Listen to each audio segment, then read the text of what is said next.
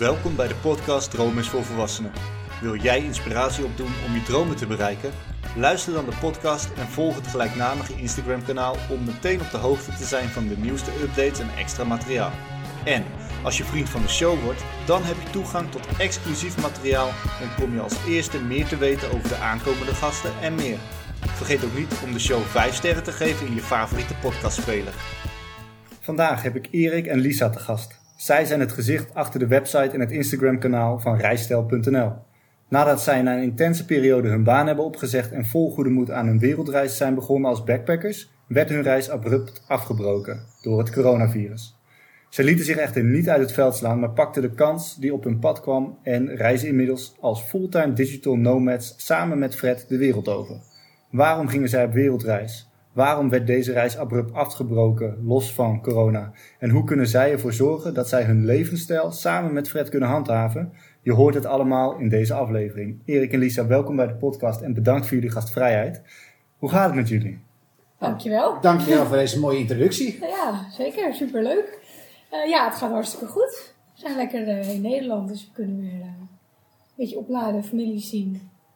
En, dat is Voorbereiden voor de volgende reis. Ja, ja want de mensen die jullie online volgen, die hebben gezien dat jullie recent terug zijn gekomen vanwege de APK van Fred. Ja, inderdaad, ja. We hadden zelf iets, eh, nou ja, verkeerd ingeschat als in ergens een klein beetje over het hoofd gezien op een gegeven moment. Dus het was voor ons ook redelijk plotseling dat we toch ineens terug eh, naar Nederland gingen. Mhm. Maar ja, dan eh, is dat wat het is en dan ga je daar ook weer wat leuks van maken. Ja, ja want nou ja, we spreken elkaar eigenlijk aan de vooravond van jullie nieuwe reis, van jullie volgende avontuur. Ehm, eerder zijn jullie dit jaar onder andere Costa Rica geweest, zag ik voorbij komen. En hebben jullie ook half Europa al eh, gezien, zo Ja. voelt het in ieder geval. Eh, voordat we richting het reizen en het werken op reis gaan, wil ik even terug naar het begin.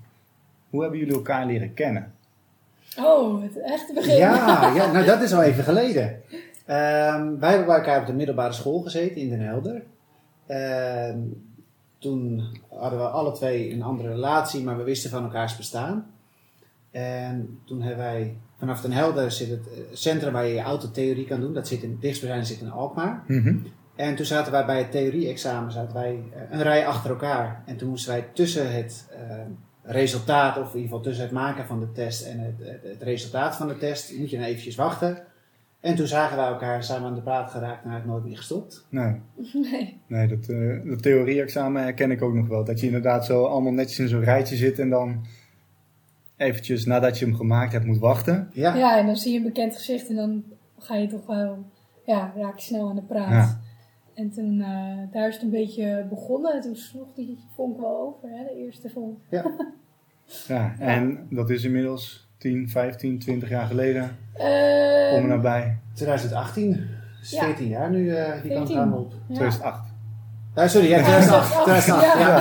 Ja. Ik denk al Dat 2008. was een bijzonder rekensommetje, maar ja. Ja, inderdaad, ja. Ja. Dus Nee, dat, samen. Ja, ja, waar je tegenwoordig mensen al niet eh, kan ontmoeten, zeg maar. Ja, precies. Dus paraden het antwoord iedereen aan. Ja, ja nee, eh, sowieso is het handig om een rijbewijs te halen. Zeker als je ziet wat jullie aan het doen zijn. Ja. Ja. Ehm, ik vertelde in de introductie ook al hè, dat jullie een intense periode hebben doorgemaakt voordat jullie besloten om uiteindelijk op wereldreis te gaan. Mhm.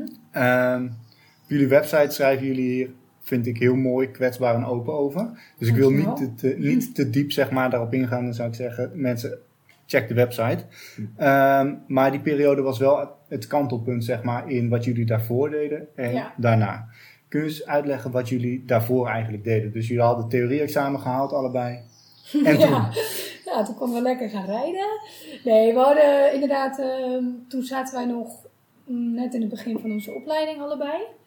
Ehm, ik eh, deed een opleiding eh, media, informatie en communicatie, in ieder geval media gere- gerelateerde opleiding.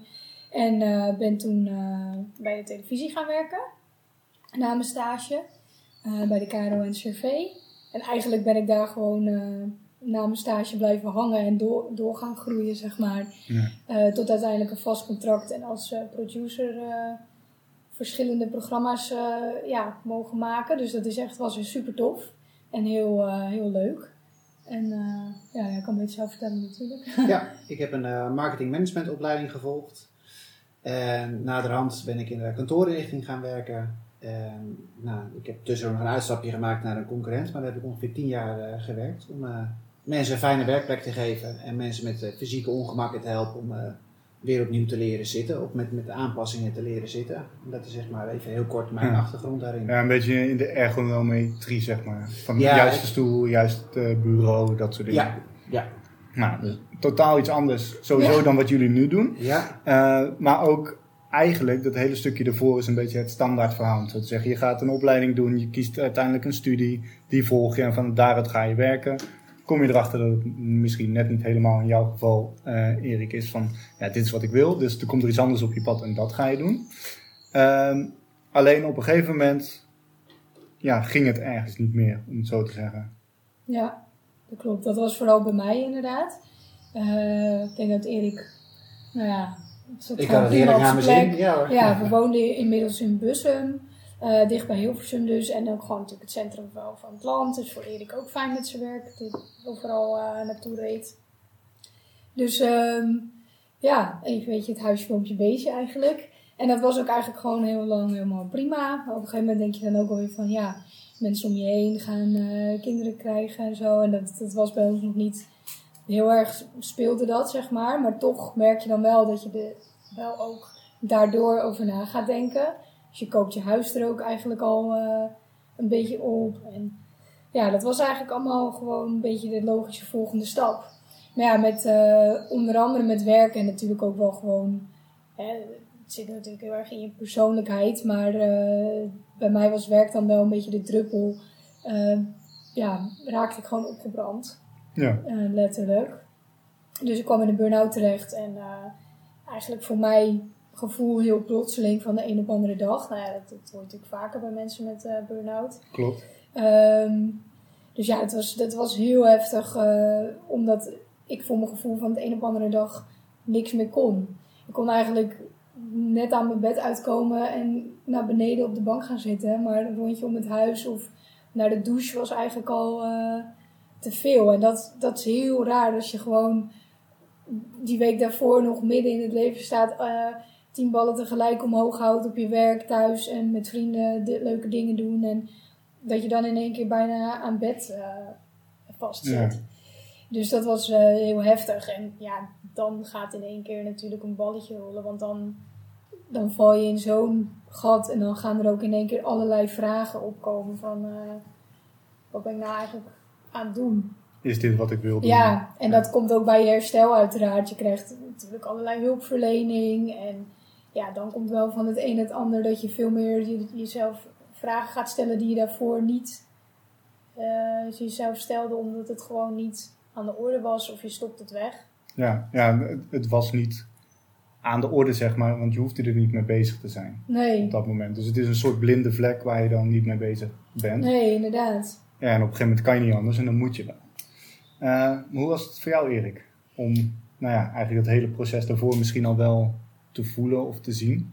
Ja, het was een, het was een hele, vraag, ja, hele want- moeilijke periode. Eh, Jij zag het wel een beetje aankomen. Ja, ik heb een hele lange tijd is Lisa een soort van eh, zo'n superwoman geweest. En die eh, nou, is verschillende buitenlandreizen gemaakt voor het werk. eh, non-stop aan het werk. En nou, ik was ergens tussen 11 en 12 s'avonds was ik dan moe en ging naar bed. En dan, als ik dan 7, half 8 werken kon dacht ik, nou, ik heb in ieder geval weer een volle dag gemaakt. Maar Lisa die ging om 12 uur ging ze nog even wat administratie doen. En dan het liefst ging ze dan ook om half zes er weer uit. Want toen was ze als eerste op het werk en dan kon ze even wat effectieve uren maken. Voordat de drukte weer begon. En nou, dat ging op een gegeven moment, dat, dat was zo'n mooi sneeuwbaleffect. En dan heb je het met elkaar een paar keer over. Maar het is telkens is het bijna klaar en nog even dit. Maar het kan nu echt niet Ja, anders. dat is de valkuil. Je gaat echt constant voor jezelf een soort grens verleggen van... Ja, maar joh, weet je, dan en dan zijn we met dit klaar en dan komt het wel weer goed. Ja, Terwijl dat, ja, als je dat te vaak doet. Ja, en op een gegeven moment is zes uurtjes slaap genoeg. En dan is vijf uurtjes slaap genoeg. En dan is af en toe een nachtje met vier uurtjes. Het is Kan jammer, maar morgen kan ik misschien wel weer een uurtje extra slapen. Dus nou, dat, dat liep allemaal even, even anders. En ja, het kwam er ook niet meteen als een verrassing dat het moment daar was. En in het begin onderschat je het heel erg. Ik had er natuurlijk ook geen ervaring mee. Maar het is daar eigenlijk echt een energieslopend proces geweest. Dat ook ontzettend lang heeft geduurd. Ja. En eh, met een hoop ups en downs. En achteraf gezien ontzettend blij dat het is gebeurd. Nou, dat klinkt misschien een beetje cru om het zo te zeggen.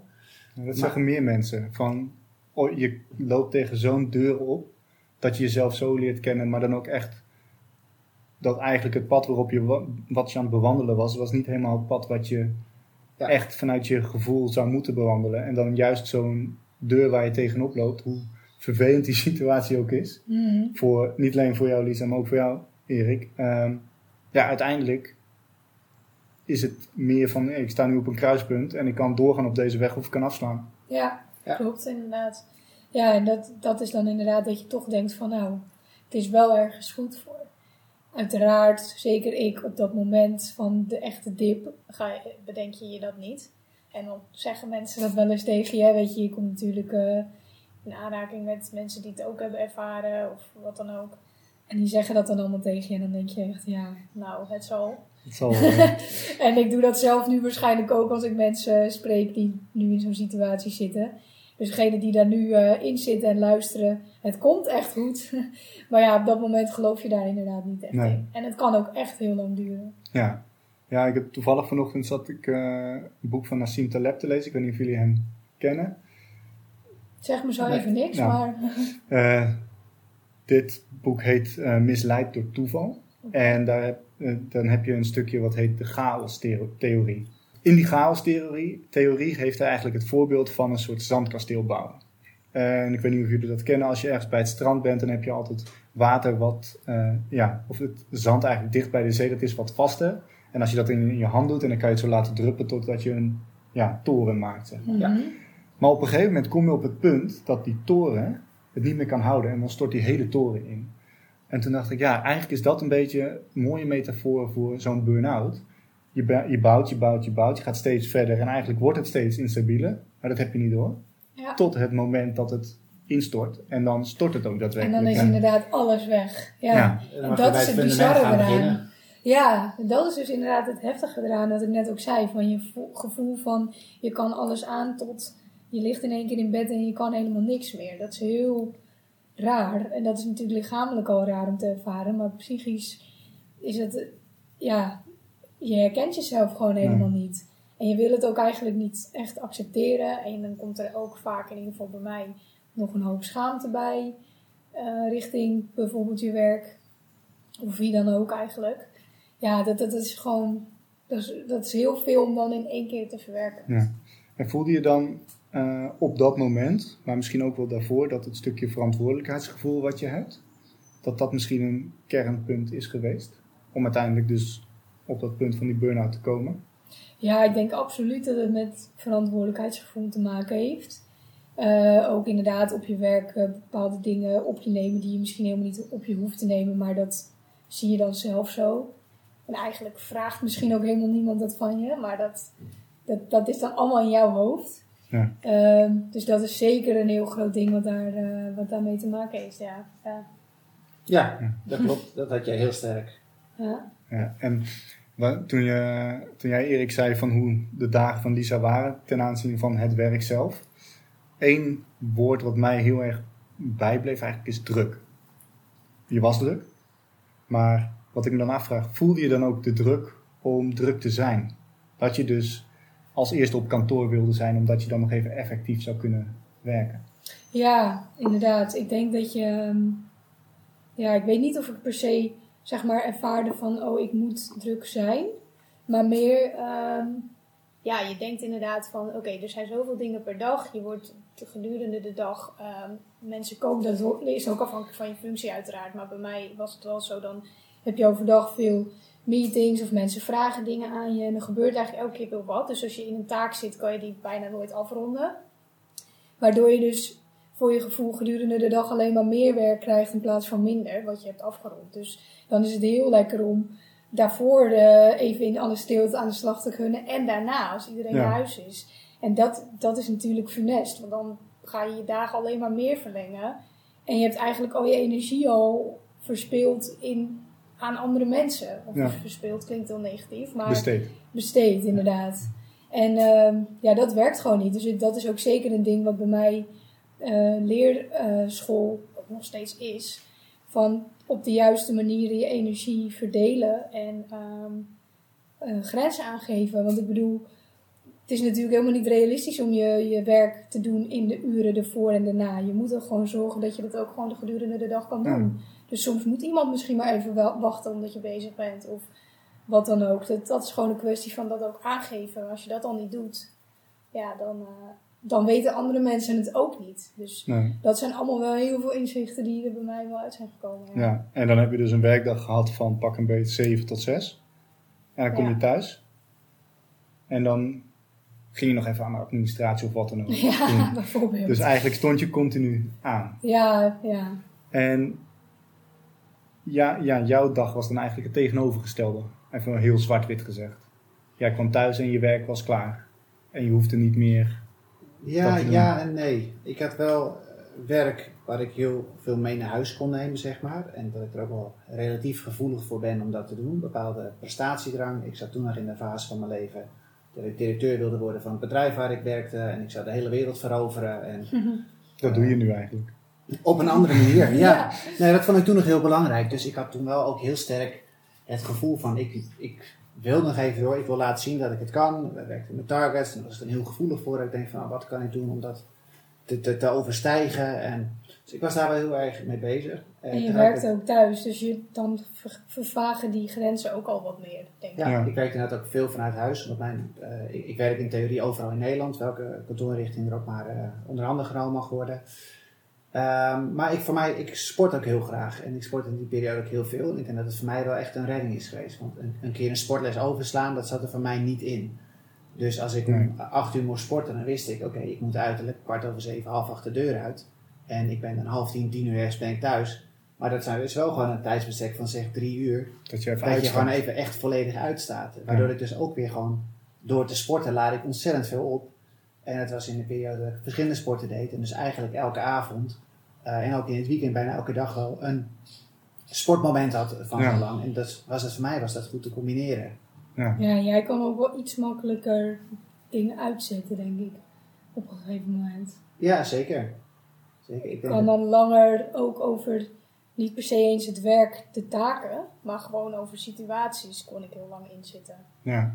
Dus dan ga je alweer helemaal bedenken hoe je iets tegen iemand gaat zeggen, bijvoorbeeld. En dat soort dingen kosten natuurlijk ook super veel energie.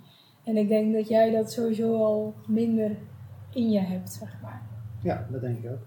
Ja, en de, iedereen heeft natuurlijk een bepaald karakter. En ehm, ja, het is gewoon, dat merk ik zelf ook. En misschien merken jullie dat ook. Zeker het werk wat jij hiervoor had, zeg maar.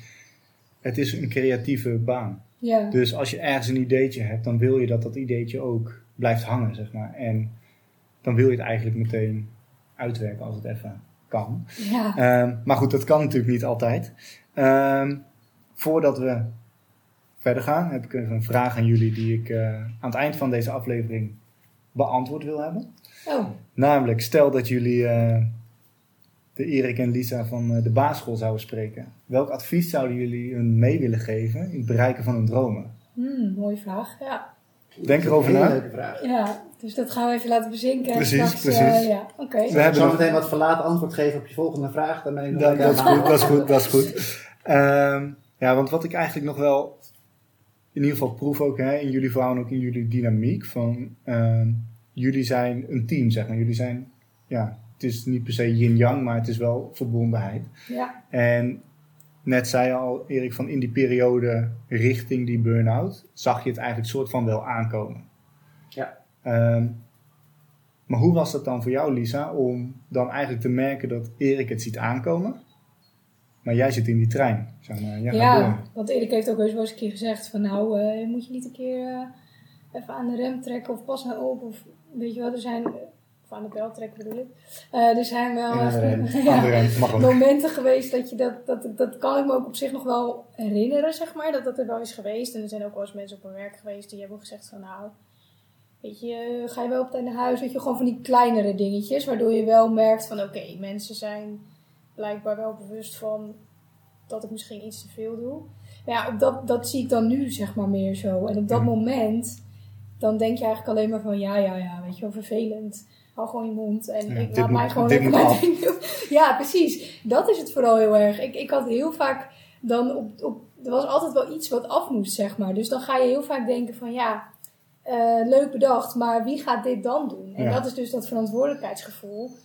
Je dat niet los durft te laten, daar gaat het gewoon super mis. Gewoon niet denken van oké, iemand anders kan dit ook oplossen. Of we zien wel wat er gebeurt. Of eh, misschien een keer iets voor een zesje doen in plaats van een tien. Ja. Weet je, dat soort dingetjes. Dus Of als Ja. je maar lang genoeg wacht, dan lost het zich vanzelf op. ja, dus je gaat, je gaat gewoon iemand die zoiets zegt, en in dit geval dan Erik, ga je eerder als vervelend ervaren dan als behulpzaam Ja. op dat moment. Ja, Terwijl ik het met alle goede bedoelingen. ja uiteraard. Ja. En dat weet je natuurlijk ook wel van binnen. Alleen je gaat op dat moment, ben je gewoon niet in die, zelf in die eh, realiteit dat je dat dus, dat je daar bewust van bent. Dus je ervaart het eerder als vervelend dan als behulpzaam. Ja. Tenminste, dat was bij mij zo. Precies, je hebt het nog nooit gehad. Je verwacht niet dat het jou gaat overkomen. Nee. Je bent jong, je bent, eh, je bent super sterk. Dat is het En ook. is Je het hoort van, ja. andere verhalen en dan denk je, ja, dat voel je heus wel aankomen. Gebeurt me niet. Ja. En daarbij, mensen hebben dit beeld van mij. En daar moet ik aan voldoen. ja, dat ook heel erg. Ja. Dit is wat ze gewend zijn, dus dat moet ik leveren. Want anders dan... ja, en ik heb dus ook super erg geleerd dat ik blijkbaar heel erg eh, afhankelijk ben van eh, bevestiging krijgen. Hè? Dus dat hebben heel veel mensen wel. Als je, als je hoort dat je het goed doet, dan vind je het automatisch ook leuker. En dan voel je je beter, et cetera. Dus als je dat inderdaad met enige regelmaat hebt, dan wil je dat vol blijven houden. Zo niet nog beter doen. Ja. Want stel dat dat- het een keer andersom is en mensen zeggen dat je het niet zo goed doet. Ja, dat is het bang zijn om te falen. Dat is natuurlijk heel erg zit daarin. Ja, Ja, ja het is eh, denk ik hele wijze lessen ook voor Zeker. de mensen die nu misschien op een plek zitten waar ze niet... eh, Oh Op ja, een ook plek absoluut zitten. inderdaad. Maar voor mezelf ook nog steeds hoor. Want ik bedoel, eh, dat is ook een grote les. Ik was dan daarna op een gegeven moment gaat het natuurlijk wat beter. Je hebt therapieën, je hebt eh, behandelingen, je, je leert jezelf beter kennen, et cetera. En dan is er op een gegeven moment ook een periode waarin je denkt, nou, ik ben eigenlijk wel weer oké. En dan ga je ook gewoon denken dat je een soort van gefixt bent. En dat is natuurlijk ook niet zo, want je blijft altijd dit soort uitdagingen houden. Mm. Het is alleen nu, je herkent het sneller, je weet wat beter hoe je ermee om moet gaan. Maar het betekent absoluut niet dat ik dit soort situaties niet nog steeds heb. Alleen zeker in mindere mate en Je minder ziet het nu heftig. aankomen en je weet hoe je erop nu op Ja. zou moeten reageren. Ja, ja, je bent vaardiger in het voorkomen van Ja. ja. dat moment. En of, om niet op dat punt te geraken. En kijk, bu- burn-out is natuurlijk zowel, wat je zei, fysiek als mentaal. Maar als we het hebben bijvoorbeeld over mensen die zeggen dat ze een slechte rug hebben. Even los van het feit of dat anatomisch zo is of niet. Als mensen ergens last hebben, dan is het altijd de rug. Of dan is het altijd die nek. En dat heb jij dan met die burn-out, zeg maar. Dat je dus eigenlijk op het moment dat je over je grens heen gaat, dan ga je richting dat gevoel, omdat dat eigenlijk in, je, ja, het geheugen van je lichaam zit. Klopt, en dat is ook wat op, op- in het begin voor veel eh, eh, ja, angstmomenten zeg maar, zorgt. Want je Ja. bent heel snel weer bang dat je het nog een keer gaat krijgen. En dat is natuurlijk het laatste wat je wil. En dan ga je ook in een En soort verkramping schieten. Ja, Dus dan ga je ook nog eerder op de rem trappen. En dan proberen nog duidelijker te maken. Het kan echt niet, mag niet. ja.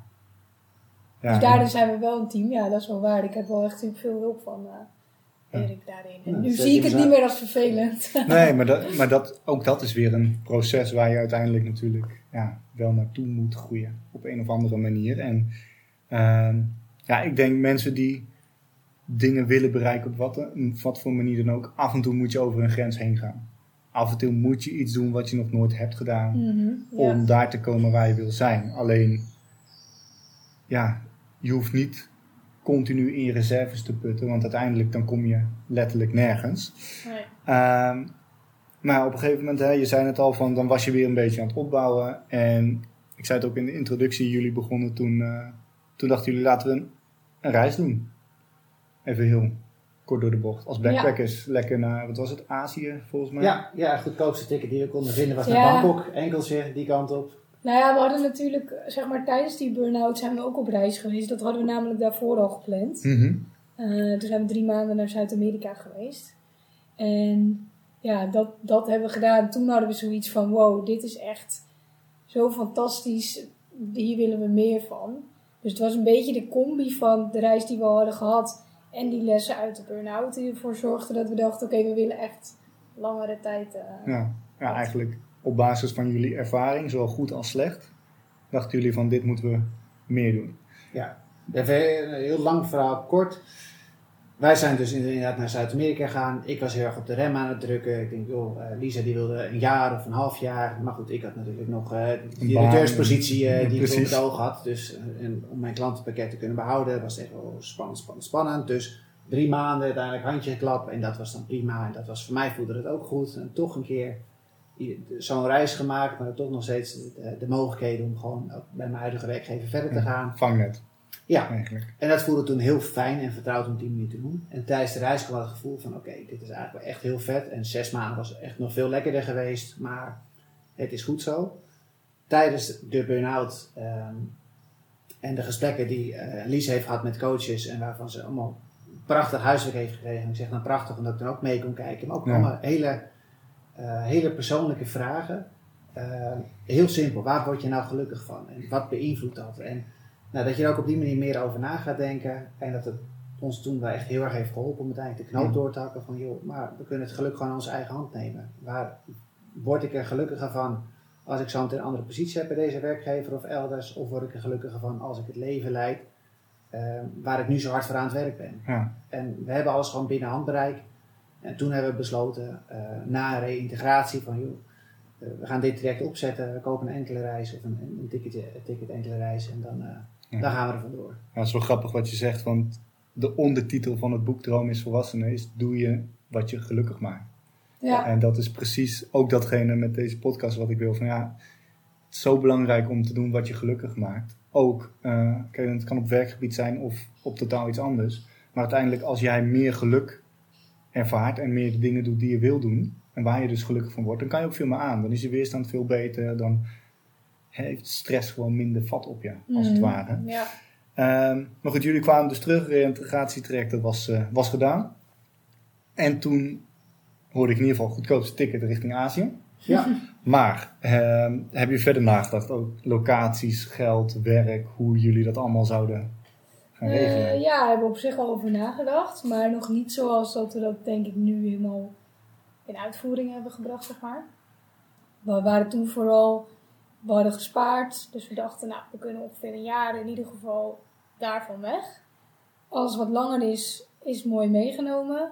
Door bijvoorbeeld ergens eh, zo'n workway eh, traject te doen. Of ehm, toen waren we nog in de leeftijd. Klinkt heel oud als ik dat zo zeg. Maar dat we bijvoorbeeld in Nieuw-Zeeland en Australië werk, ehm, working holiday visum Mhm. konden krijgen. En dan daar konden werken. Dus dat soort dingen hadden we wel bedacht. Van, eh, ehm, dan kunnen we dat soort dingen doen om een beetje de reis... Ja, de, eigenlijk meer kosten te besparen, zeg maar. En dan langer van het spaargeld te reizen. Ja, ja, en als we ergens een leuk plekje vinden waar we willen settelen, dan is dat ook helemaal goed. En dan, of het nou een paar maanden is of een jaar, de, onze, het leven lag voor ons, alles kon, alles mocht. En- ja, Ja, dus we hadden wel zoiets van, we willen het lekker open laten en er geen ei- einddatum aan geven. Zodat we veel meer het gevoel hebben dat we bepaalde kansen kunnen pakken als iemand je een keer ergens voor uitnodigt of weet ik veel wat. Dus we hadden ook helemaal geen route gemaakt. Omdat we juist dachten van, eh, we zien wel. dan Ja. komen de leukste dingen misschien juist wel op het pad. Ja. Dus banen opgezegd, woning verkocht, gewoon alles gewoon echt achter ons gelaten met de gedachte. Anders heb je weer dat vangnet waar ik eh, echt gek op ben. En dat is voor mij ook veel te makkelijk om op terug te vallen. Ze Mhm. dachten van, joh, we doen het zo. Eh, we proberen alles gewoon in Nederland helemaal netjes achter te laten. Dus ook op een mooie manier afscheid genomen van onze werkgevers. Dat je gewoon weet, oké, mocht er wat zijn, hebben we in ieder geval iets om terug te vallen. Maar het wordt nu anders dan wanneer ik gewoon een sabbatical neem. Ja. Of, Je gaat daardoor gewoon anders, andere keuzes maken Ja. tijdens eh, een reis. Ja, je hebt niet een eindpunt in gedachten dat je bijvoorbeeld dit, dit en dit nog echt wil zien of bezoeken. Nee, we hadden ook helemaal niet. Nou, we hadden natuurlijk heus wel wat landen waarvan we dachten, nou, dat zou leuk zijn. Maar we hadden helemaal niet zo heel specifiek een hele route of zo uitgestippeld of echt een bucketlist gemaakt. Het, het ging denk ik vooral om de ervaring en eh, ook wel dus het uitzoeken van, eh, ja, wat, wat, is, wat willen we nu? Ja, En op zoek naar mooie ervaringen. Ik weet nog wat ik vooraf al eens heb gezegd. Het lijkt me geweldig als ik een barman kan zijn uit Hawaii. Dat ik op een ranch in Texas zou kunnen werken. En om van dat soort extreme die je normaal gesproken nooit zou opzoeken. Maar dat je denkt van ja, we zijn nu op reis. Ik heb er de tijd en ruimte voor. Waarom niet? Ja, precies. Ja. Kijk, heel veel mensen zullen misschien denken, jullie hadden allebei een vaste baan. Ja. Jullie hadden een, huis, een koophuis. Ja. Eigenlijk hadden jullie, als je op die manier, even los van burn-out, maar zouden jullie gewoon binnen de grenzen nog 80 jaar op deze manier door kunnen. Zeker. Waarom geef je dan die vastigheid op, zeg maar? En dat is misschien een beetje dat Nederlandse gevoel van, we moeten dat vangnet hebben, we moeten zekerheid hebben. Mhm. Wat was uiteindelijk dan voor jullie die doorslag? Was dat die reis in Zuid-Amerika? Of was het iets anders? Mm, Nou, ik denk toch de doorslag uiteindelijk om het echt helemaal op te geven, zeg maar, is denk ik wel die burn-out geweest. Doordat je daar zeg maar door aan het eh, denken wordt gezet. En eh, gewoon even denkt, alles op reset. We gaan het gewoon helemaal anders doen. We gaan gewoon kijken, wat vinden we nou eigenlijk echt leuk? En misschien komen we dan wel weer op hetzelfde uit. Dat kan ook, hè. Want het is niet zo dat we allebei zoiets hadden van, nou, we gaan nooit meer dat doen, zeg maar, wat we deden. Dat, Nee. dat ook niet. Nee, ik denk dat het voor ons ook heel erg meespeelde. Dat we ook, dat ons daarin ook helemaal vrij voelden. Dus wij woonden toen in Bussum. Eh, wij komen oorspronkelijk niet uit Bussum. Ehm, als dat voor ons zou betekenen dat we na de reis in Bussum niks meer kunnen vinden, maar wel in Amsterdam of wel waar dan ook, dan was dat voor ons ook prima geweest. Eh, Ja, die vrienden die hebben, die kunnen we opzoeken en dat is, dan is de wereld in één keer heel klein. Hetzelfde geldt voor werkgever, eh, tv, kantoorinrichting. Maar als ik zo meteen in IT zou gaan werken en ik zou daar een opleidingstraject doen en ik zou in het begin de helft verdienen als wat ik verdiende, dan zou het voor ons alsnog voldoende kunnen zijn om weer ergens Ja. naartoe te bouwen. Dat je ook, als je het op een gegeven moment inziet, van joh, hetgeen wat we nu hebben, dat is, eh, nee, ik zou bijna zeggen, te veel. En met minder zouden we ook gelukkig zijn. Dan, Ja. dan geeft het in één keer zoveel meer ruimte om ook gewoon knopen door te Ja, we hadden ook echt wel voor onszelf bedacht van eh, als we terugkomen, ja, je kan niet verwachten dat je dan meteen weer in jezelfde functie, in jezelfde baan zit. Als, we dan, als dat betekent dat we ergens helemaal weer onderaan bijvoorbeeld moeten beginnen, dan is dat ook goed. Ja, Als je, als je dat ervoor over hebt, zeg maar, en als je dat weet, dan maakt het die keuze denk ik ook makkelijker. ja. ja doet me heel erg denken aan eh, Marco Martens, ook een van mijn gasten in de podcast. Die zei van een vogel die vertrouwt niet op de tak waar die op zit, maar op zijn vleugels. Oh ja, ja. En nou, dat hoor ik eigenlijk ook in jullie verhaal van. ehm, je hebt een stukje geld, natuurlijk heb je nodig daarin. Maar als je kijkt naar de situatie wat je nodig hebt en weet, oké, dan is dat het minimale aan geld wat ik nodig heb. Dan ga je kijken van wat heb ik nodig en wat moet ik daar tegenover zetten in plaats van wat heb ik aan geld Mhm. en wat kan ik daar tegenover zetten. Ja, klopt. Uiteraard is het wel heel fijn om te weten dat je een buffer hebt. Tuurlijk, Dat tuurlijk. zou ik iedereen wel Stu- aanraden. stukje zekerheid is altijd, is altijd fijn. Ja, het ook niet naïef zijn, zeg maar. Nee. Nee, maar dat, de vorige aflevering met Dionne Knoren hebben we het heel erg over geld, zeg maar. En ehm, zelf hou ik echt al ruim tien jaar tot op de cent nauwkeurig mijn financiën bij. Gewoon puur om te weten wat komt er binnen, wat gaat eruit. Ehm, uiteindelijk, stel dat ik een dag minder wil werken. Nou, dan heeft dat wel bijvoorbeeld 20% minder inkomsten tot gevolg. Nou, Mhm. is die ruimte er of niet? Want als die ruimte er niet is en je wil dat per se wel doen, ja, dan moet je of schrappen aan je kosten, of je moet iets anders doen, waardoor je misschien of meer inkomsten hebt, of ja, Ja, inderdaad. Alles heeft uiteindelijk te maken met een bepaalde keuzes. ja, Ja. ja. En wat je daarvoor over hebt, zeg maar. precies. En nou, jullie keuze om richting Azië te gaan, die was er. Jullie waren er. En toen gebeurde er iets anders in Azië. Althans, naar het schijnt. Ja, overal. Precies. Ehm, hoe was dat toen dat nieuws bij jullie kwam? Ik denk dat wij het heel lang als gewoon een nieuwtje hebben gezien, ni- niks spannends. Ehm, en dat het echt, ik denk tot drie dagen voordat we uiteindelijk vertrokken zijn, of maken er een week van, dat we toen pas echt de ernst ervan gingen inzien. ja, Ja. en ik denk dat wij daarin natuurlijk niet de enige waren. Nee, nee, nee, nee. Dat, dat Iedereen had natuurlijk in het begin zoiets van, nou, het zal wel Het loslopen is, het is ver weg. Ja, Ja, wij, wij zaten op dat moment zaten wij in Sri Lanka. Al een maand of twee zaten we op dat moment in Sri Lanka. Dat beviel eigenlijk wel heel erg goed. En nou, het nieuws kwam dichterbij. En ook dat, er, dat de landen in een lockdown gingen en alles werd wat spannender al. maar daar viel het allemaal nog heel erg mee. Dus je bent dan heel erg bezig van, nou, zolang het hier goed is, ik zit hier prima, weet je wel. Ja. Ja, toen was het inderdaad nog heel erg China-Italië. Dat was toen echt, daar gebeurde het. En toen wij hebben een tijdje wij in een eh, strandresort hebben wij gezeten. Nou, eigenlijk gewoon hutjes op het strandresort klinkt dan wel weer heel groot luxe.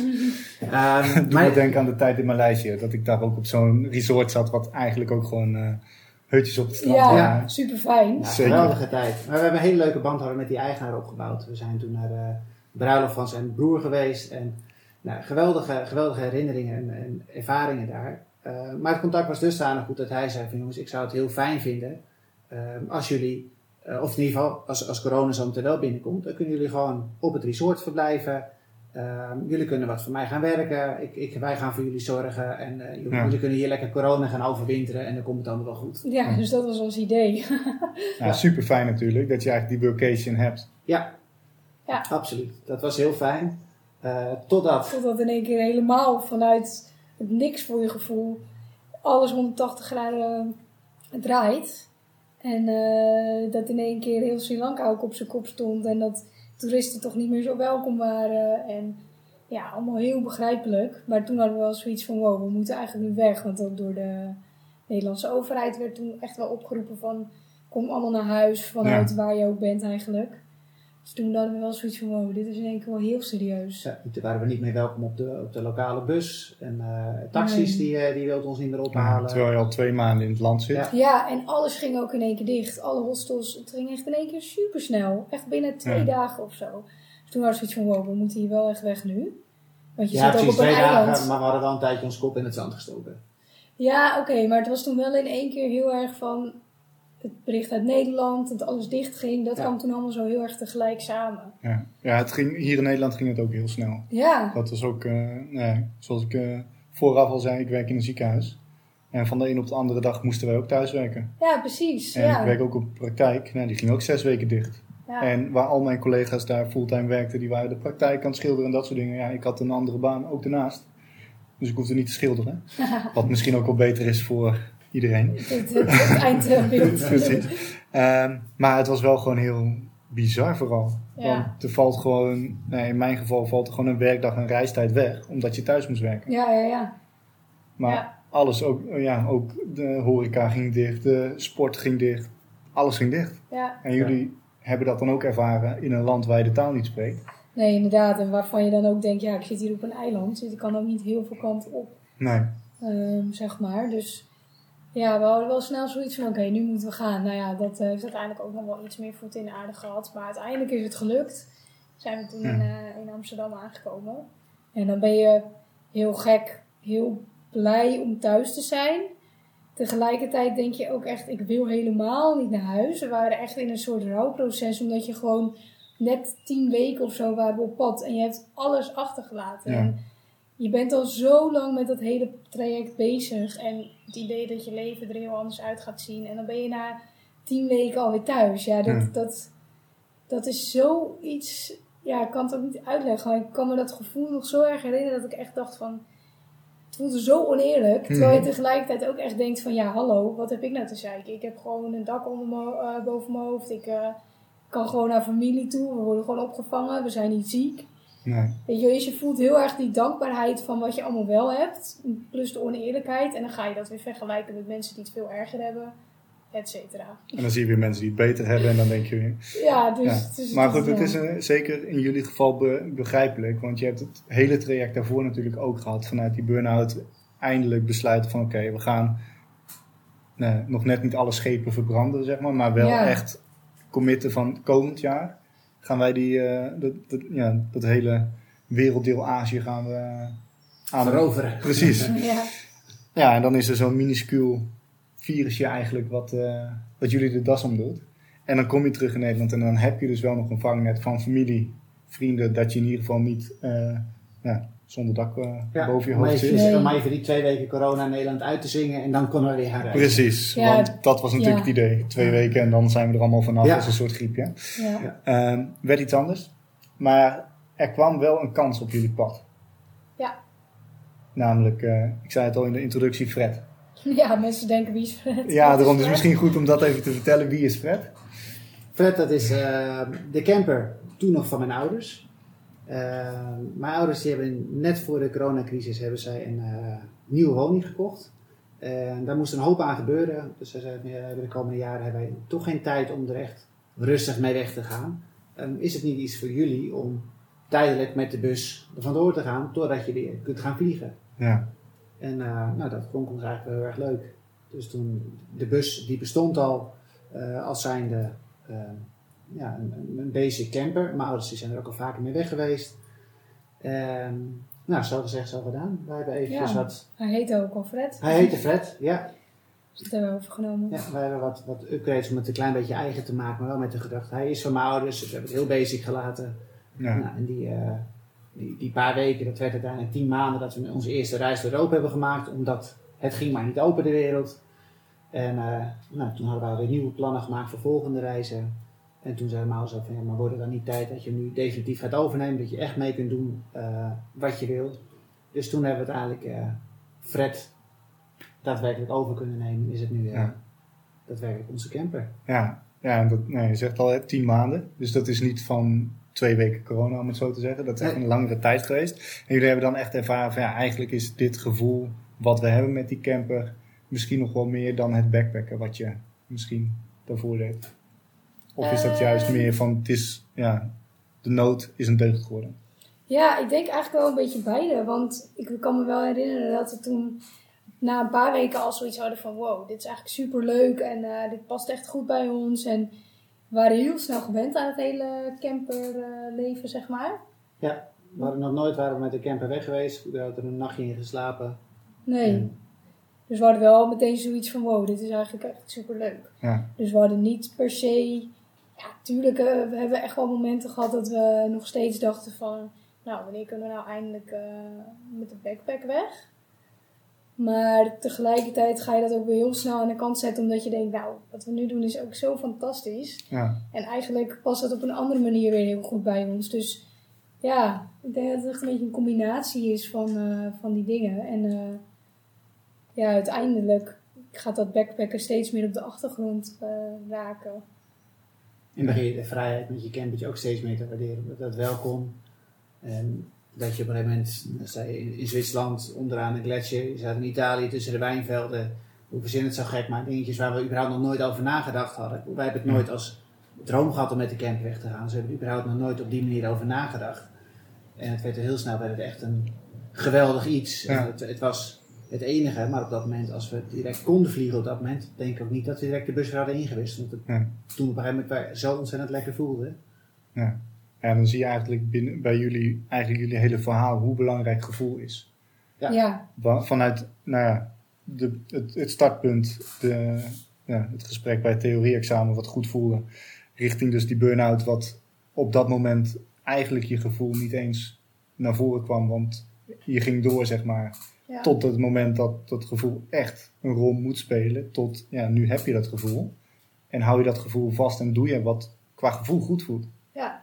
Zo heel veel gevoel. nee, Eh, maar ja, je hebt gelijk. Ja, dat is ook iets wat we wel echt eh, hebben geleerd, denk ik. Ja. Ja, en al, hè, van die camper die was eigenlijk al deels, eh, of die was reisklaar om het zo te zeggen. Maar jullie hebben er zelf nog wel wat tijd, energie, geld ingestoken. Hoe lang is dat proces uiteindelijk geweest dat jullie echt die camper, vanaf het moment dat jullie besloten om het eigen te maken, ook daadwerkelijk eigen te maken? Of is dat nog Eh. niet afgerond? Jawel. Ja, dat is, eh, dat is denk ik, daar komt de, de aard van het beestje waar we het eerder al over hadden. Eh, dat we op een gegeven moment de, de keuze hadden gemaakt om met de camper weg te gaan. Eh, toen moesten we eigenlijk dus gisteren al weg zijn. Ja, Dus eh tijd dat was er niet. Nou, we, hadden, we hebben hem naar de garage gebracht. Ik had een bepaald beeld van zo moet de camper eruit zien. Dus ik wilde toen heel graag wilde ik een, eh, een, een dakrek erop hebben en een boelbar. Eh, iets om het een beetje daarin eigen te maken. Wel weer Mhm. zo gemonteerd dat het ook weer af zou kunnen. Want, hè. Ehm, en voor jou duurde dat allemaal te lang. En toen hebben we Ja. uiteindelijk zijn we, zijn we half klaar, zijn we alsnog vertrokken. Om, ja, want we moesten weg. ja, ik heb dan op een gegeven moment dacht ik, nou, eh, laten we gewoon gaan. Maakt uit hoe dat ding eruit ziet. Ja, Maar ook weer niet, want je wil natuurlijk ook wel dat het gewoon je huisje is. Dus we hebben van binnen echt wel dingen gedaan. Maar ja, hoe lang zijn we daar toen mee bezig geweest? Ik denk dat hij toen drie weken bij de garage heeft gestaan. Dat we daarna nog een week zelf hier bezig zijn geweest. Ja, Maar het is dan, ik ben eh A-technisch, of in ieder geval, ik ben altijd A-technisch geweest. Je, je leert een hoop als je een camper hebt, laat ik het zo zeggen. Maar iets naar de elektra, nooit naar gekeken. Gas, nooit naar gekeken. Nee. Water, ja, er zit toch water in, dat komt wel goed. Maar ja, Ja. wij kamperen wild, zijn we achtergekomen wild. Misschien voor het luisters goed. Eh, wij proberen juist campings te vermijden. En juist de mooiste plekken in de natuur eh, op te zoeken. Ehm, en dan heb je gewoon bepaalde voorzieningen heb je nodig. Ja, wij hadden geen idee wat daarvoor nodig Nee. was. Dus dat we op een gegeven moment na tien maanden weer zijn teruggekeerd. Dat was voor ons wel echt de reden van oké, we hebben ons huiswerk maar half gedaan. Er moet er echt nog weer een hoop gebeuren aan Ja, de je leert dan natuurlijk zoveel dat je denkt, oké, deze dingen gaan we echt nog aanpassen. Dus toen hebben we zeg maar een Fred eh 3.0 eigenlijk gemaakt. En daar zijn we denk ik toen nog zo'n, Zes weken mee bezig geweest. ja, zoiets. En daar zijn we wel heel blij mee, want nu hebben we wel echt eh, veel meer profijt overal van. Ja. En dan dus inderdaad vooral de facilitaire eh, kant. en Nee, niet zozeer de looks. Dat, dat zat eigenlijk al wel goed. Ja, dat was prima. Ja. Ja, ja maar dat, dat is dus ook je. Vooraf weet je niet helemaal wat je kan verwachten. Nee. Dat, dan kom je gewoon. Ja, ik, ik, afgelopen zomer ben ik met mijn vriendin op roadtrip door Duitsland gegaan. En Gaaf. ja, het was, su was super tof. En eh, voor de luisteraars, er zijn wat eh, Instagram reels, dus check dat vooral. Ehm, maar ja, ik hou wel van plannen, zeg maar. Ik vind het fijn om een beetje te weten waar ik aan toe ben. Maar ergens zou ik ook super graag nog een keer met een camper op reis willen. Maar goed, ehm, de mogelijkheid was er van, nou, jullie hebben mijn auto gezien, daar kan je prima mee rijden. ja. Dus wij besloten, we gaan gewoon een roadtrip maken. Mijn vriendin die werkt in het onderwijs, dus we hebben een zomerperiode van zes weken. Nou, op de eerste dag dat ze vrij is, dan vertrekken we. Ja. Dat gaan we ook niet meer doen, want het is wel fijn om heel even te landen, zeg maar. Ja, ja, ja, ja. Dus aldoende leren. Ehm, en dan willen we eerst naar Luxemburg. Nou, er waren overstromingen. Dus we konden naar Luxemburg, maar we hadden besloten we gaan naar Vianden toe. Om daar ook een kabelbaantje omhoog naar het kasteel, kasteel bekijken en dan weer verder. En dan een dag later een stukje wandelen van de Mulentaltrail. Maar ja, we konden helemaal niet met de kabelbaan omhoog, omdat die hele rivier buiten de oevers getreden was. Dus je leert dan ook on the job van, eh, nou, dit is niet helemaal handig. Nee. Een dag later hadden we, sliepen we in een hotel. Was ook gewoon een bewuste keuze in Trier. Ik dacht, ja, we kunnen wel ergens buiten Trier gaan zitten, maar dan kunnen we beter in die stad zitten. En een dag later, dat was dan een zondag, hadden we weer een Airbnb. Dus wij dachten, nou, op zondag kunnen we wel boodschappen doen. Maar in Duitsland zijn heel veel supermarkten dicht op zondag. Dus, Ja, inderdaad, ja. ja. dus ja, we hadden eigenlijk geen ontbijt en we moesten uit eten. Nou, ja, dat laatste was niet zo'n probleem. Maar de volgende ochtend dacht je wel van, ja, hoe gaan we dit doen? En nu weet je dat en ga je toch even checken vooraf van, ja, is het open of niet? En uiteindelijk hebben we een fantastische reis gehad en zijn we 15 dagen weggegaan eh, met de auto. En dan is iets van, ja, op die manier kan je ook gewoon heel veel zien. ja, zeker. Alleen, ja, Ja. wij hebben dan wel een vaste baan, zeg maar. Dus wij moet, we hebben niet een einddatum. We, hebben, we gaan niet zonder einddatum weg. Nee, snap ik. Hoewel dat wel super tof zou zijn. Maar ja, prijstechnisch, als wij dan in een hotel of op een camping slapen, of jullie wild kamperen, ja, daar zit natuurlijk per nacht al echt een Ja, wereld van verschil in. Ja, Dat is ook denk ik wel een grote reden waarom we dat doen. Want we hebben niks tegen campings of zo hoor. Nee, Sterker nog, het is heel fijn om eh, op een camping te slapen. Zo nu en dan ook voor ons om te douchen en dat soort dingen. Ja. Maar eh, ja, dat, eh, dat is natuurlijk een stuk kostbaarder. ja, ja dus, eh, want als we het dan hebben over de, het stukje financiën, zeg maar, hoe zorgen jullie er nou voor dat jullie reis eindeloos kan doorgaan? Eh, ja, goede vraag. Ja, we hebben verschillende. We zijn. Even een klein stapje terug. Ehm, toen wij gingen backpacken, toen we dus oorspronkelijk de wereldreis begonnen. Toen dacht ik, ik ga me waarschijnlijk heel erg vervelen als ik elke dag op het strand lig, weer, weer een ander paradijselijk strand. Dus het leek me leuk om een nieuw projectje voor mezelf te beginnen en dat was een reisblog. Maar Mhm. dan niet een reisblog voor eh, de hele wereld, maar voor vrienden en familie. Dus het hoeft allemaal niet spannend te zijn, gewoon simpel. En in die periode kwam ik erachter dat ik ontzettend leuk vond om ermee bezig te zijn. En dat is langzaam gegroeid naar reisstad.nl. Ja, Nou, toen we na de eerste reis, dat we weer terug in Nederland kwamen, toen dachten wij, wij vinden het zo leuk om hierover te schrijven. Eh, we worden nu al wel eens benaderd voor eh, een samenwerking voor het een of ander. Laten we kijken of we van reisstad.nl gewoon officieel een onderneming kunnen maken en dan vanaf daar verder kunnen groeien. En nu zijn we dus in het vervolg van de reis, dat we gewoon echt meer bewust waren van, joh, onze eh, financiële positie is ook niet eindeloos. Dat we daar gewoon ook actief naar buiten zijn gegaan. Ehm, nou, trouwens ook niet eens per se heel actief. Maar iets wat begonnen is als een samenwerking, dat is toen doorgegroeid. En op een gegeven moment hebben we social media voor een paar bedrijven hebben gedaan. Ehm, omdat wij weer spannende reisplannen hadden. En een aantal bedrijven benaderd in de sector van, joh, eh, vinden jullie het leuk als we deze verhalen met jullie delen? En toen op een gegeven moment konden we in één keer gaan bloggen ook voor andere partijen. Nou, en toen hadden we heel veel kleine stukjes inkopen naast elkaar. En toen werd ik voor het eerst gevraagd om voor iemand een website te gaan maken. Nou, ik heb natuurlijk alleen voor mezelf wat gepuzzeld. Maar Ja. inmiddels liep dat wel aardig. Ik dacht, ja, dat kan ik wel. Ik vind het leuk om te proberen. jezelf indekken, verwacht niet te veel. Dus ik doe het eh, nou, bijna voor niks, maar leuk om te... Nou, en ook dat ging goed en dan groeit dat een beetje. Inmiddels maak ik eh, regelmatig websites veranderen. Dus uit verschillende hoeken hebben we gewoon een stukje inkomen wat voor Ja. voldoende is om van te reizen. Ja. ja, en op die manier heb je eigenlijk dat vangnet gecreëerd. En je bent ook niet afhankelijk van één vangnet, zeg maar. Nee. Nee, dat vonden we wel belangrijk, omdat je inderdaad dan, eh, ja, dan is het toch te onzeker. Want inmiddels is, is het spaargeld natuurlijk wel op na twee jaar. En dan ga je wel eh, denken van ja, als we dit willen blijven volhouden, dan kunnen we niet afhankelijk zijn van één inkomstenbron. Nee, nee en om weer met Nassim Taleb zeg maar, eh, een linkje te leggen, antifragiliteit. Dus hoe kan je ervoor zorgen als iets misgaat, dat niet alles misgaat. Ja, precies. Dat is precies wat ik hier hoor. Van, ja, als je, meer, je noemde net tien ballen in de lucht houden. Ja, als je tien vangnetjes hebt, Ja, dan is het niet erg dat één vangnet misschien eventjes iets minder loopt dan de andere. nee, en dat is natuurlijk inderdaad. hartstikke fijn. Nee, absoluut. absoluut.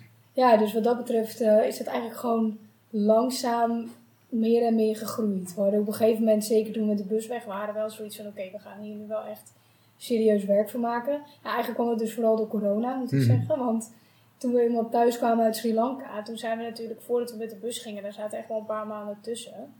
Toen zijn we natuurlijk heel erg gaan denken van oké, en nu? Kunnen we hier nu een beetje gaan wachten tot weet ik veel wanneer? Eh, laten we iets nuttigs doen. Dus toen zijn we al wel begonnen met eh, überhaupt een website professioneler maken en bedenken van wat willen we er nou eigenlijk mee. Nou, inmiddels is dat ook alweer tien keer eh, een beetje veranderd, zeg maar. Maar wel gewoon, toen hebben we wel een beetje die knoop doorgehakt van oké, we gaan hier serieus mee aan de slag. Maar ja, je kan natuurlijk niet verwachten dat je daar dan ook meteen geld mee verdient. Nee, Dus dat is eh, ook wel iets wat we soms misschien een beetje hebben onderschat. Maar je bent zeker wel een jaar verder, wil er een beetje wat uit, uitkomen. ja, maar dat is ook ja, wat, wat ik hier vooral uit hoor, is dat jullie hebben geïnvesteerd. Niet alleen in geld, zeg maar, door bijvoorbeeld de camper te verbouwen, maar ook gewoon in tijd en vaardigheden. Ja, Om- zeker dat laatste, ja. Ja, en nou, ik, ik las toevallig, ik lees heel veel. Eh, vanochtend las ik nog iets met, met betrekking tot piano spelen. Van je moet niet verwachten dat als je een stuk ziet, dat je meteen, als je nog nooit een toets hebt aangeraakt, Mozart kan spelen of zo. Nee. En dat is natuurlijk zo. We hebben toevallig net een nieuwe piano thuis. Maar ja, ik kan zeg maar twee noten naast elkaar kan ik heel snel laten gaan en daar houdt het op. En mijn vriendin die kan echt al liedjes spelen en dat soort dingen. Dus als ik dan aan het werk ben nu en zij heeft zes weken vakantie, dan heb ik af en toe een eh, fijn concert. Zeg maar. Ja. Dat is hartstikke leuk. Eh, maar ik heb wel die drang dat ik denk van ja, ik zou het ook tof vinden om dan bijvoorbeeld Pirates of the Caribbean te kunnen spelen. ja, die muziek. tuurlijk, ja. Maar ja, ik heb het opgezocht op YouTube. Het is nog niet zo makkelijk. maar goed, Nee, ook daarvan weet ik, ja, stel dat het volgend jaar zo is, dan komt dat misschien ook. En ik, Ja. ja. ik heb ook in een wilde bui ooit een ukulele gekocht. Dacht ik, nou, ik wil een ja. muziekinstrument leren spelen. ook een typisch reisinstrument. Ja, maar ook dat, nou ja, ook daar kan ik nog niet de gevoelige snaar raken, om het zo te zeggen. Ehm, maar jullie hebben dus eigenlijk die ehm, wereldreis backpacken afgebroken door Azië. Kwamen terug, hebben eigenlijk een nieuwe reis gevormd, om het zo te zeggen. Ja. Ja. Dus in plaats van vasthouden aan het idee wat jullie hadden, gekeken naar wat hebben we dan wel nu en hoe kunnen we dat verbeteren. Ja. Tien maanden gereisd. Ehm, en nu staan jullie eigenlijk aan de vooravond van een nieuwe reis. Ja. Ja. Dus Ja. inmiddels met de camper bijna twee jaar onderweg. zijn. Ja, na die tien maanden zijn we inderdaad nog een, eh, hebben we nog een trip gemaakt. Toen zijn we Dus, naar eh, Japan vertrokken. Ja, dat was het idee. Het wilde plan. Eh, dat is ook niet helemaal gelukt. Uiteraard weer vanwege corona. We dachten toen dat er... eh, iedereen werd natuurlijk toen inmiddels gevaccineerd. En het zag er allemaal wat beter uit. Maar ja, dat bleek uiteindelijk eh, zeker in een bepaalde regio in eh, Centraal-Azië allemaal veel langer te duren. En ook met inmiddels een hoop spanningen erbij. Mhm. Is dat niet, eh, niet gelukt. Dus eh, we zijn uiteindelijk toen in eh, januari in eh, Georgië zeg maar gestrand. Om het zo even te zeggen. Daar hielden de grenzen die toen open waren op. Ja, we hadden En net alle eh, papieren voor Iran geregeld om, als, als volgende bestemming. Ehm, maar uiteindelijk Iran had de grenzen weer gesloten, dus we kwamen niet naar binnen. En toen werd het in Georgië werd het min 10, min 20. En toen zaten we daar, eh, eh, waren we al twee maanden aan het rondreizen. Dus de lol was er op dat moment een beetje af. Het land was gezien. Ja, Ja. en het werd ook te koud in de bus. Dus dat was gewoon niet fijn. Dus toen hadden we zoiets van ja, we gaan... eh, we hadden ook bewust de backpacks meegenomen. Omdat we al een klein beetje op zo'n soort situatie waren voorbereid. eh, Met de winter en zo. Dus toen dachten we nou, dit is de mooie tijd om eh, weer met de backpacks op pad te gaan. Want toen was er eh, gelukkig, zeker in Zuid-Amerika, weer een hoop mogelijk. Mhm. Dus toen zijn we dat, hebben we dat drie maanden, Ja. drie, vier maanden gedaan. Toen de bus dus weer opgehaald, terug naar Nederland gereden. En nu gaan we inderdaad een volgende Je hebt, ja, stap. om dan even het verhaal nog helemaal compleet te maken. Toen wij terugvlogen eh, naar Armenië, want daar Mhm. hebben we de bus geparkeerd. Toen hadden wij dus de hoop dat wij konden doorreizen eh, om alsnog richting Japan, eh zo ver als dat we zo konden komen, laat ik het even zo zeggen. En dat wij de APK op een andere manier konden inregelen. Daar begon het gesprek natuurlijk ook mee. Nou, dat bleek toch iets complexer dan vooraf gedacht. Eh, inmiddels zover dat het voor ons niet meer haalbaar was. Eh, we zijn misschien iets te eerlijk geweest naar sommige mensen. Eh, dus toen moesten wij binnen een maand eh, weer terug naar Nederland. En nu Ja. zijn we hier. En dus hebben we Japan eventjes geparkeerd. En staan we dus nu aan de voorraad voor weer een nieuw plan. Ja. Ja, en natuurlijk niet ook alleen door de APK, want die grenzen, het is nog steeds... Kijk, Iran is dan nu wel haalbaar, maar dan houdt het daarna ook wel weer. Ja, precies. En je wil eigenlijk dat je gewoon de hele wereld over kan Ja, met Fred. En dan, niet elke keer ja. wachten, wachten. En, eh, dus dat, dat, dat was gewoon eh, geen optie meer. Nee. En nou ja, ik weet dat jullie op de socials hebben gevraagd van waar denken jullie dat het heen gaat. Ja, Ehm, primeurtje. precies, want deze podcast komt online als jullie al onderweg zijn. Ja, Oh. dan hebben we misschien nog wel een primeurtje inderdaad. Nee, we gaan nu, we gaan nu naar Scandinavië. Dus Had ik het goed eh, gegokt. Ja, je hebt goed gehokt. Yay! Ja, dat, eh, daar hebben we heel veel zin in. Het leek ons heel, al heel lang leuk om daar in de zomer vooral ook eh, naartoe te gaan. Dus toen dachten we, ja, 1 en 1 is 2. Ja. Als we nu toch hier zijn, dan is dat echt wel een hele mooie kans om nu te doen. Mhm. Eh, en in al die maanden eh, is er bij ons ook nog een ander, nou ja, Een andere Droom. droom. zeg maar meer in vervulling, eh, willen we meer in vervulling laten gaan, eh, die we ook al langer hebben. Ehm, dus daar willen we na Scandinavië mee eh, aan de slag. Ik denk eigenlijk dat we dat ook wel gewoon kunnen Je kent dat dat leuk is, jazeker. jazeker. Nee, wij willen vanuit Scandinavië de snelste route eh, gaan afleggen richting Piemonte, eh, Noordwest-Italië. Ja. En dat we daar eens even op ons gemak op huisjacht kunnen gaan. Eh, te kijken of we ergens een oude boerderij kunnen vinden die we kunnen opknappen eh, in het kader van een B&B. En dat wij ehm, nou, ons, ons geluk met de wereld kunnen delen, een deel Ja. van het jaar. En dat wij in de periode, eh, of in ieder geval de winter in Italië, dat wij dan alsnog lekker op ons eigen geluk Gewoon- kunnen jagen of op een ander geluk. En dat we dan alsnog het reizen ook kunnen gaan combineren. ja, super tof. Ja, Doet me een beetje denken aan eh, Ik Vertrek, Ja, om het zo Ja. te zeggen. nou het is een typisch ik vertrek verhaal ja, want het wordt ook eh, waarschijnlijk een soort gelijk eh, vervallen pand gezien ons budget. die we gaan eh Begin met het dak. Ja, precies. Daar hebben we al heel veel van geleerd. Leidingen, elektra, dat gaat altijd mis. Ja, we zijn er wat dat betreft goed ingelezen. Maar eh, ja, weet je, er gaat altijd wel iets mis waarschijnlijk. Dat is ook prima. Ja, dat hoort er ook bij. Maar dat is eh, het plan. En dan inderdaad zeker om het nog wel te blijven... Dat, ja, dat is een droom. Ik bedoel, we weten ook dat het allemaal lastig wordt. Maar dat willen we wel proberen te blijven combineren met het reizen een deel van het jaar. Ja. Eh, maar niet meer fulltime. Nee. Nee. nee, gewoon toch een beetje waar we het aan het begin over hadden, dat huisje, boompje, beestje. Ja. Maar dan wel nog met een deur die wagenwijd open staat om Ja. Ja. Ja, zeker. Ja, ja, ja. ja. Een beetje settelen, maar nog niet helemaal. gewoon eh Fred in de garage, maar de garagedeur is open. Dus als het moet, dan... eh, Ja, want Fred gaat zeker mee. Want eh, we moeten natuurlijk nog bij het begin beginnen. Dus we willen, we willen ook de tijd nemen om goed te verdiepen in de regio. En eh, eh, ja, dan kunnen we in de tussentijd gewoon in Fred slapen Ja. natuurlijk. Ja, nee, super tof. En hebben jullie dan voor Scandinavië, om even terug te gaan naar Ja. die, eh, die reis, hebben jullie al een bepaalde route of bepaalde plekken? Want je zou, ja, we hebben al gezien dat het in de zomer super mooi is. Ja, nee, het, het is nu vrijdag. Wij hebben het plan om dinsdag weg te gaan. En we hebben nog werkelijk geen enkel idee. Nee. Behalve naar het noorden. Ja, nou ja. zoals het nu. Italië, dat is een beetje in een, in een stroomversnelling weer geraakt. Omdat daar dus in september allemaal mooie wijnfeesten zijn. Ehm, en dat is iets waarvan we dachten, ja, we gaan natuurlijk ook naar Italië. Mhm. Dus wij hebben Scandinavië ook in onze gedachten al iets ingekort. Dus de Noordkaap, nou dat wordt nu misschien iets, iets minder de Noordelijke Kaap. ja, de Zuidkant. Voort, eh, dat wordt denk ik het eh, noordelijkst waar we Ja. hopelijk kunnen komen. Ook wel heel mooi. Wat Ja. ik heb gezien, in ieder geval op de foto's. Ja, dat lijkt me echt prachtig en ehm, dat zou wel een mooi doel zijn. Maar we hebben denk ik, ja, naarmate we meer reizen, hebben we denk ik minder allebei een bepaalde drang om echt specifieke plekken per se te zien. Ja. Het gaat er bij ons denk ik ook vooral heel erg om, om ja, uiteraard ook om plekken te zien, want die willen we ook heel graag delen en maken ook graag reisroutes voor. voor Ook als het niet leuk is, vinden we het leuk om ook dat te kunnen Ja. delen. Ja, alleen het gaat bij ons denk ik ook wel gewoon heel erg om inderdaad weer die bepaalde manier van vrij leven, het werken tussendoor, mooie plekjes zien, ehm, ja, lekker in De vrijheid zijn. hebben om met mensen in contact te komen. En als die leuke tips of suggesties hebben, dat je nou ook linksaf kunt slaan zonder dat je eigen planning vaststaat dat je rechtsaf moet. Ja. Ja, dus eigenlijk is het echt een hele route uitstippelen niet echt iets voor ons. Al denk ik dat we dat nu dus wel min of meer moeten gaan doen, omdat we anders gewoon in de knoop komen met, eh, ja, met de rest van de plan. Ja. Nou, een deel van Duitsland hebben jullie natuurlijk al gehad. Ja, Dus dat scheelt, daar kan je gewoon eh, met... eh, ik denk dat we zo Ja, snel mogelijk richting Zweden gaan in ieder geval. Ja, Ja. ja. ja, dan is het eh, ja, groot gelijk. Ja. Ik, ik zou willen dat het ook komt, maar ja goed, wij, eh, deze zomer gaan wij naar Costa Rica. Oh. Maar daar zijn jullie al geweest. Ja, dat is waar, ja. Dat Ja. heb je gezegd. Ja, tof. Ja, ja nou, dat, eh, is eh, zeker niet verkeerd. Nee, dat, eh, ik sprak Arjan eh, voor mijn podcast een paar afleveringen geleden. En die zei ook van, als je echt tof vogels wil zien. Want Ja. Arjan is de wereldrecordhouder vogels kijken. Heeft er bijna 7000 verschillende soorten in één Zo. jaar gezien. En ik noemde Costa Rica en nou, zijn gezicht begon helemaal van, oh, Ja, eigenlijk hetzelfde wat jullie hadden. Het is zo Gek. mooi. En, Ja.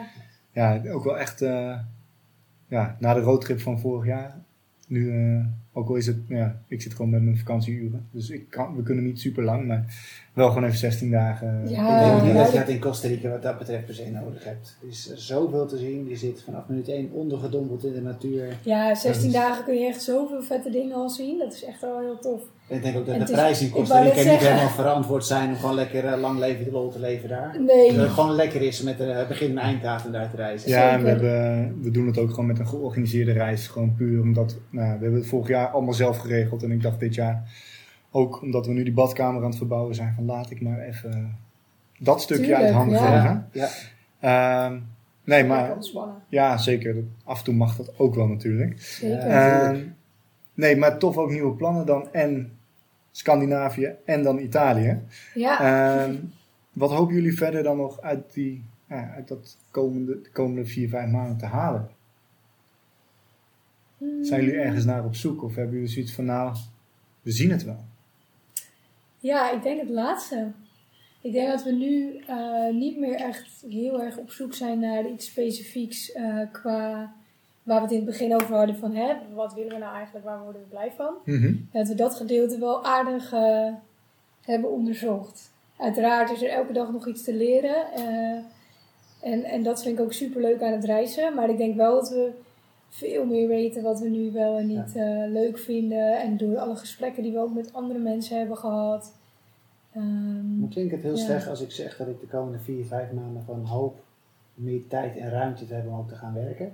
Ja, dat trouwens inderdaad zeker. Ja, We hebben Nee, dat klinkt zeker niet slecht. Zo Dat is juist ontzettend leuk, veel gezien en gedaan. Mhm. Ehm, wij delen natuurlijk onze tips en tricks ook op Instagram. Maar we hebben niet voor niets ook een, een, een reisblog. En we zouden het zo leuk vinden als we ook gewoon eh, daar meer tijd en energie in kunnen stoppen. Om dat ook gewoon mee te laten groeien met ons. Ja. ja we Dus lopen hebben- daar gewoon echt achter eigenlijk. Omdat we We hebben ontzettend leuke komen. content er al op staan, maar ik denk dat we nog 6000 stedentrips erbij kunnen zetten van iets van alles wat we in de afgelopen drie jaar hebben gezien. Ja. Ja, dat en is een beetje. En, ja, en we hebben sowieso echt nog superveel ideeën. Ook veel meer op het fanlife gericht. Om andere mensen daarmee te kunnen helpen. En dat uitwerken, we komen er gewoon niet aan toe. En dat doen we natuurlijk helemaal zelf. Ja. Omdat we het reizen gewoon veel te leuk vinden. ja, en dat we ook gewoon vaak commerciële opdrachten voor laten gaan die voor ons nu de rekeningen betalen. Ja, En dan de vrije uur is dan inderdaad gewoon invullen van, joh, gaan we deze hike doen? Of gaan we gedisciplineerd aan het werk? ja en dan wint een hike het vaak. ja, maar ik denk ook niet dat je daar schuldig om moet voelen. Ehm, maar dat is een eh, terecht punt wat jullie hier aangeven. Van, ja, eigenlijk ehm, hebben jullie dan, om het even allemaal samen te brengen, jullie hebben de droom van Italië.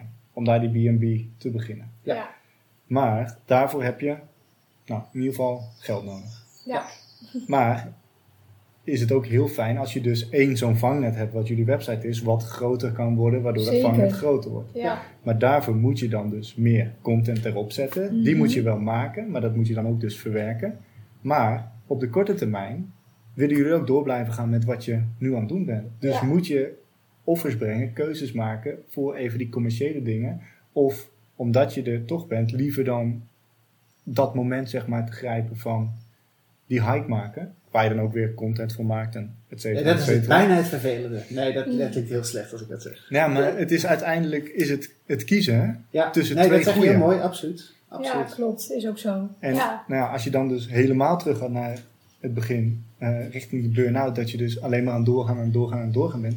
Eigenlijk doen jullie dat nu ook, alleen met een hele andere energie en insteek. Mhm. Nu wordt de batterij ondertussen opgeladen. Precies. Ja, En dat, klopt. is, en dat is prima en dat is ook hartstikke goed en blijf dat vooral doen. Want ik denk dat mensen het ook super tof vinden, ook als ik zie hoe eh, mensen reageren zeg maar, op jullie Instagram. En als ik kijk naar de website, het ziet er hartstikke mooi uit. Dank je. En nou, ik heb ook wat inspiratie eruit gehaald voor onze vakantie.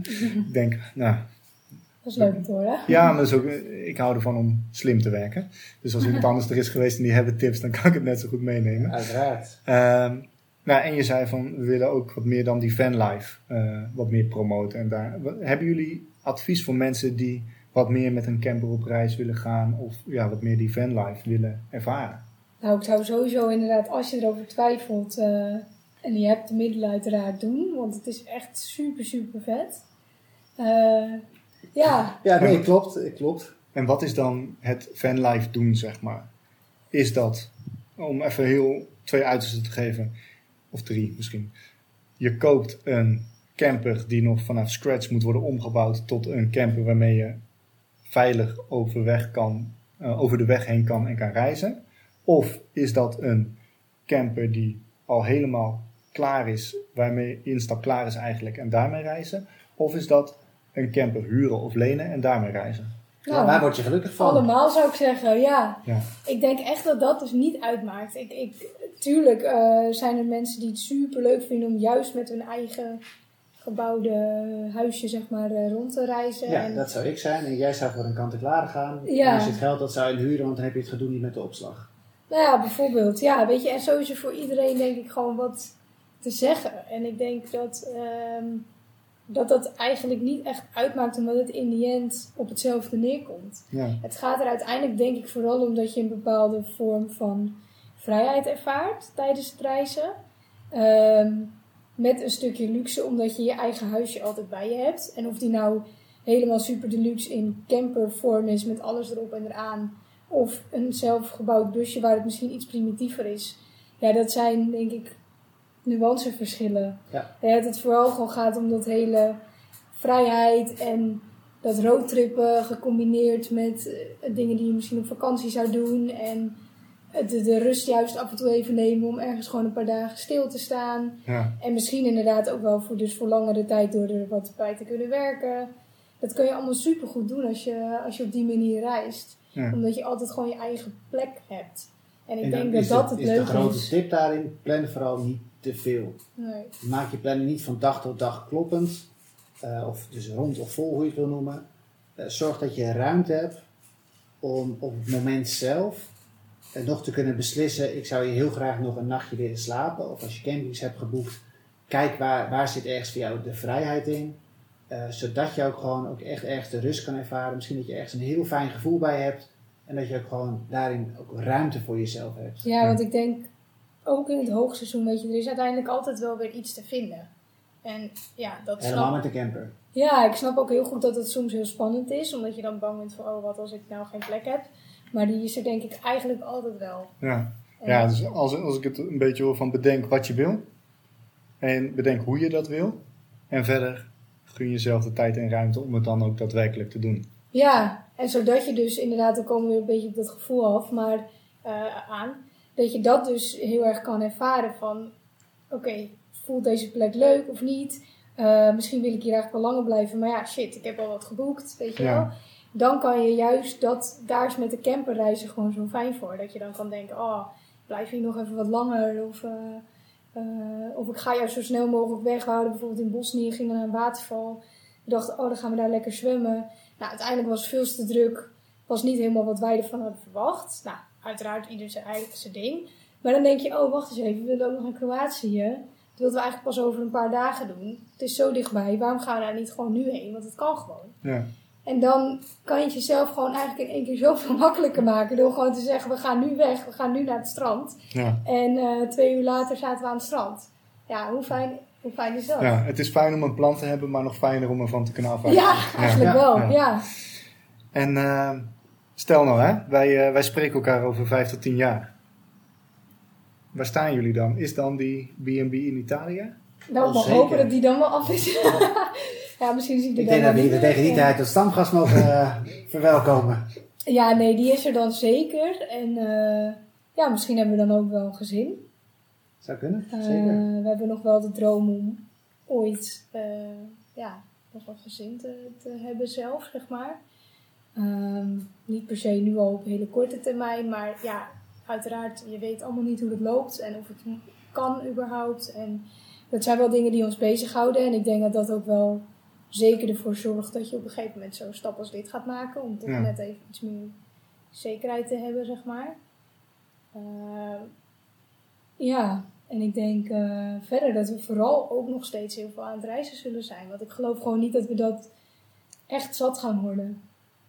Nee, dat ben ik met je eens. Ja, Ja, dus met, reizen heb je natuurlijk zoveel nieuwe ervaringen die je opdoet en dingen die je ziet. En nou ja, ja. zoals jullie erover praten, krijg je daar energie van. Dus waarom zou je dat weggooien? Ja, het lijkt me ook heel mooi om dat ook dus met een gezin te doen. Ik denk zelf niet dat wij dat fulltime per se zouden willen.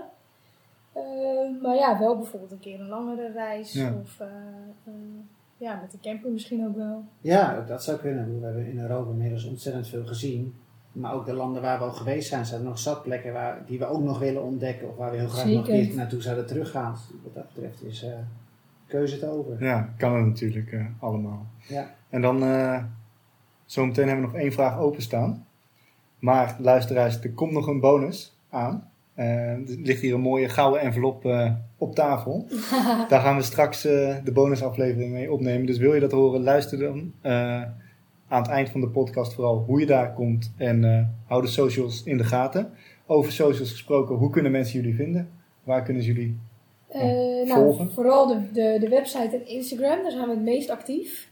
Dat is www.rijstel.nl. En rijstel.nl op Instagram. Ja, en ik zal eh, jullie sowieso delen in de show notes en eh, bij alle berichten taggen. Nou, leuk. Ehm, in ieder geval hartstikke bedankt al voor dit gesprek. De tijd is eh, wat dat betreft gevlogen. Ja, Zeker, jij bedankt ja. voor alle, alle tijd en energie Ja. die je hebt gestoken. En alle interesse. Ja, nee, eh, dit, eh, het kost weinig moeite met eh, jullie als inspirerende gasten. Maar dan ben ik nog wel benieuwd welk advies jullie hadden voor eh, de kleine Erik en Lisa van de basisschool. Ja. ja, weet jij het al? Ik weet het wel al. Nou, ga maar. Oh. Ja, ik zou zeggen, eh, maak vooral heel veel fouten en wees daar niet bang voor om dat dus te doen. Want dat, dat heb ik totaal niet gedaan en dat ben ik heel erg uit de weg. eh, nou, ik heb het uiteraard gedaan. Ik bedoel, ik heb heus wel fouten gemaakt. Laten we dat voorop stellen. Maar ik heb dat heel erg geprobeerd niet te doen. Mhm. En eh, ik denk dat dat, ehm, ja, dat, dat, dat is niet fijn. Nee. Het is veel fijner om gewoon lekker te proberen, lekker je ding te doen, op je bek te gaan, daar weer van te leren. Wat is daar eigenlijk erg aan? Niks. nee. Eh, dus dat zou ik zeker de Lisa op de basisschool ook al willen zeggen, want die deed dat ook al. Dat is een, eh, ik denk een mooi advies ook Ja. gewoon in het bereiken van, eh, van je dromen. Zeker. Ja. Is een advies als ik zeg, ga ervoor. En dan maakt het niet uit als kleine Erik, als hij profvoetballer wilde worden. Dus op dat moment dat hetgene waarvan jij denkt dat je echt gelukkig gaat maken, ga ervoor. Ja, doe doe wat je hartje ingeeft. Doe het inderdaad. Ik heb, eh terugkomend op het begin van de podcast, ik heb heel lang in mijn leven heb ik me gewoon laten leiden door alles wat er gebeurde. En heb ik me daarin heel erg afhankelijk afgesteld. Of het nou van een werkgever was, eh, of dat het van een sociale omgeving was. En pas op het moment dat ik dat durfde los te laten en gewoon zelf het heft in handen kon nemen. eh, en er gewoon echt voor gaan, is mijn leven compleet anders erdoor geworden. Dus ik denk dat dat iets is Ja. wat ik kleine Erik zeker zou meegeven. Ja, ik denk, om dat samen te vatten, denk ik dat ook dit hele gesprek, dan is er één zin waaraan ik moet denken. En dat is, je bent de regisseur van je eigen leven. Ja. En jij bepaalt het script. Ja, inderdaad. Klopt helemaal. Dankjewel. Ja, bedankt.